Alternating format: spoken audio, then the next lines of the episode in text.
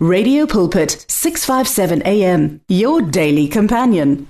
Father in the name of Jesus Christ of Nazareth we just want to thank you so much for your grace your love and your mercy. I thank you for my brother my sister listening to this right now. Pray Father God that you touch them in a special way. May their life never be the same again. I thank you, Lord God Almighty, for this opportunity to sit under the ministry of your word. We know that your word, Lord God, always transforms us, brings us faith because Your word tells us that faith comes by hearing and hearing by the word of God. May faith come today. May we be activated in our faith in the name of Jesus Christ. I give you praise, Lord God. Glory, honor, and majesty in Jesus' name. Amen and amen.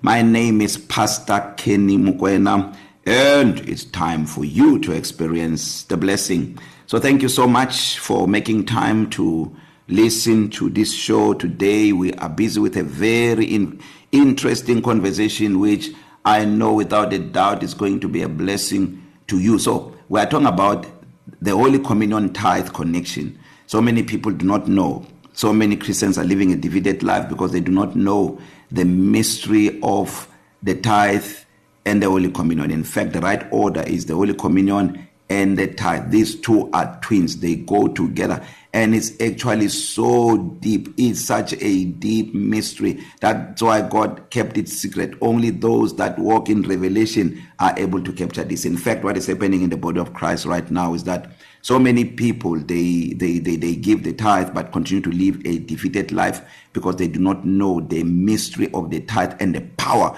of the tithe you know if you can get this i promise you your life will never be the same again. You will you will you will participate in this with revelation understanding also that this is not a money message. This is a revelation message. It's a heart message. It's about proclaiming the life of Christ and acknowledging him as our high priest. So i have been using the for this message the um, the the the the portion of scripture in Genesis 14 where we see Abraham meeting Melchizedek who was coming from who Abraham was coming from the slaughter slaughter of Kedoloma and his and his allies.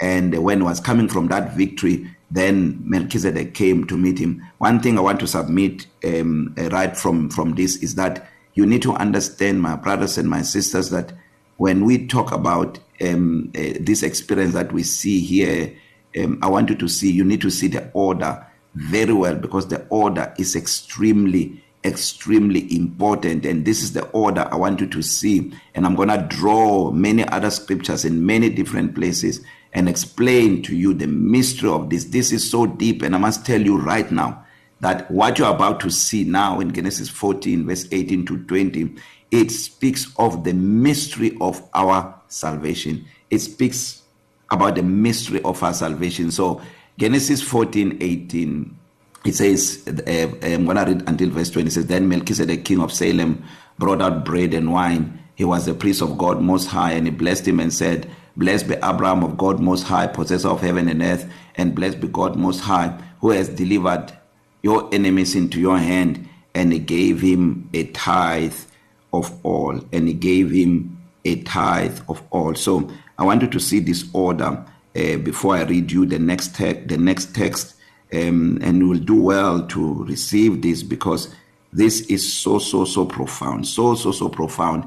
And if you can hear this your spirit uh, appropriate this promise you your life will never be the same again. You will never be broke another day in your life because a lot of people that are struggling the area of finances are not able to shut the door to the to the enemy. Remember Jesus calls money unrighteous mammon meaning the money must be saved. When it comes to our hands it must be cleansed. That's what we see also in the book of Romans chapter 11 um verse 16 that uh, if the first fruit is holy the lamb will also be holy and if the root is holy and it says so are the branches. So when you look at this um where uh, Abraham uh, Melchizedek who is a type of Jesus and I'm going to read today um Hebrews chapter 7 and read a few scriptures which I need you to uh, to see especially on the credentials of this man Melchizedek. He came with bread and wine proclaiming the death of the Lord Jesus. And Abraham came with the tithe proclaiming his life. This too now completes our salvation package because according to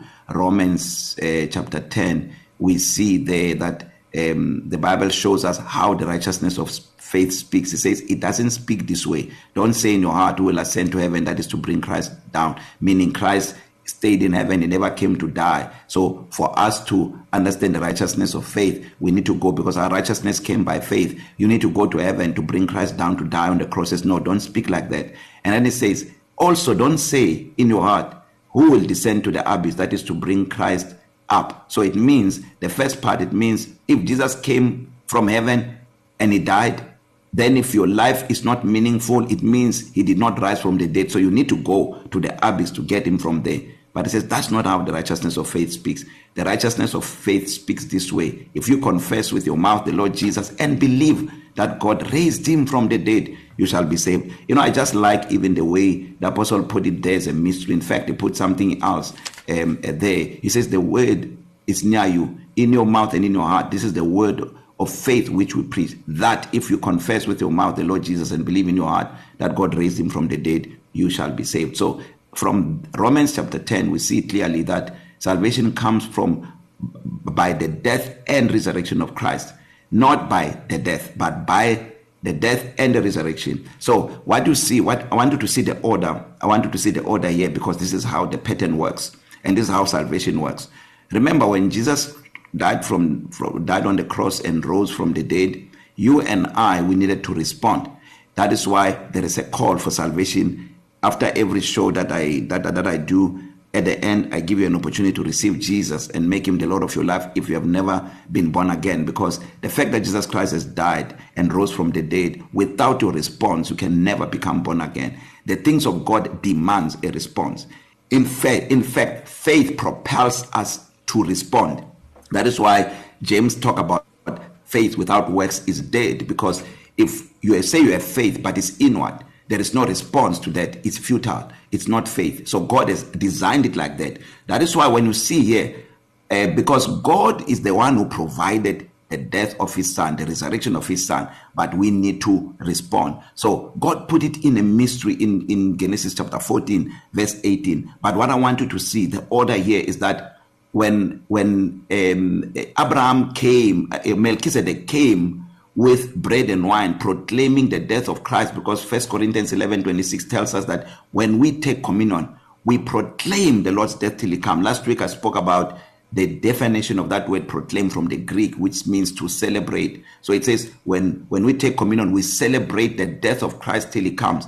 But I also read First Corinthians chapter 15 where the apostle Paul speak about the fact that if Christ did not rise our faith is futile. So if you look at Genesis 14 18, uh, um, Melchizedek was a type of Jesus. He comes with bread and wine, proclaiming the death of Christ. But what we see also there is that the one who provides the Holy Communion is God because God provided his son Jesus. But if you look at verse 20, it says, and and um, and then Abraham gave him a tithe of all. So Melchizedek come with bread and wine, but Abraham responds with a tithe. Now, this is so important. He responds with a tithe. He responds with a tithe because salvation demands a response. So, what I want you to see here, very important, is that God is the one that provided the Son, but our response is very critical to complete the salvation package. That is why, that is where the tithe come in. Because let me read, let me read for you uh, um, um, Genesis 7 I'm going to read a few verses and then go to verse 8 where it talks about uh, what happened in, in this experience and the fact that Abraham, uh, Jesus is now the high priest after the order of Melchizedek. Because let me just say this that Hebrews 7, verse 8, before I even read it, it says that when Abraham gave the tithe to Melchizedek, he was proclaiming that he lives. He says, He lives, He lives. And that He lives there is Christ. So let's read uh, uh, Hebrews 7, verse 1. It says, For this Melchizedek, king of Salem, priest of the Most High God, who met Abraham returning from the slaughter of the kings and blessed him, to whom also Abraham gave a tenth part of all, that is the tithe, being first being by interpretation king of righteousness. Who's that? It's Jesus.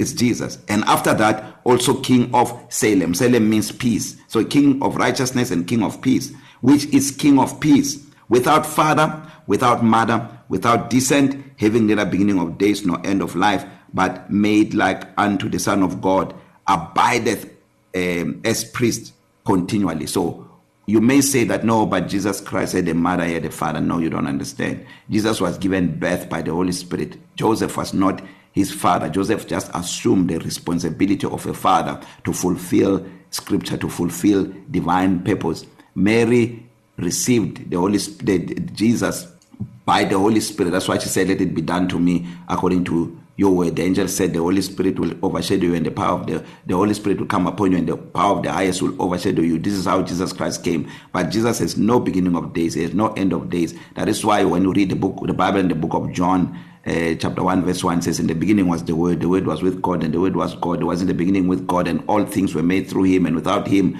was not anything made that was made. The word became flesh and dwelt among us. We beheld his glory. Was the only begotten of this father full of grace and truth. This is jesus christ. So we know this that this is jesus christ. And when you go down and look at verse at verse at verse 8 it says and here men that die receive tithes but there he receives them of whom it is witnessed that he lives. This is so critical.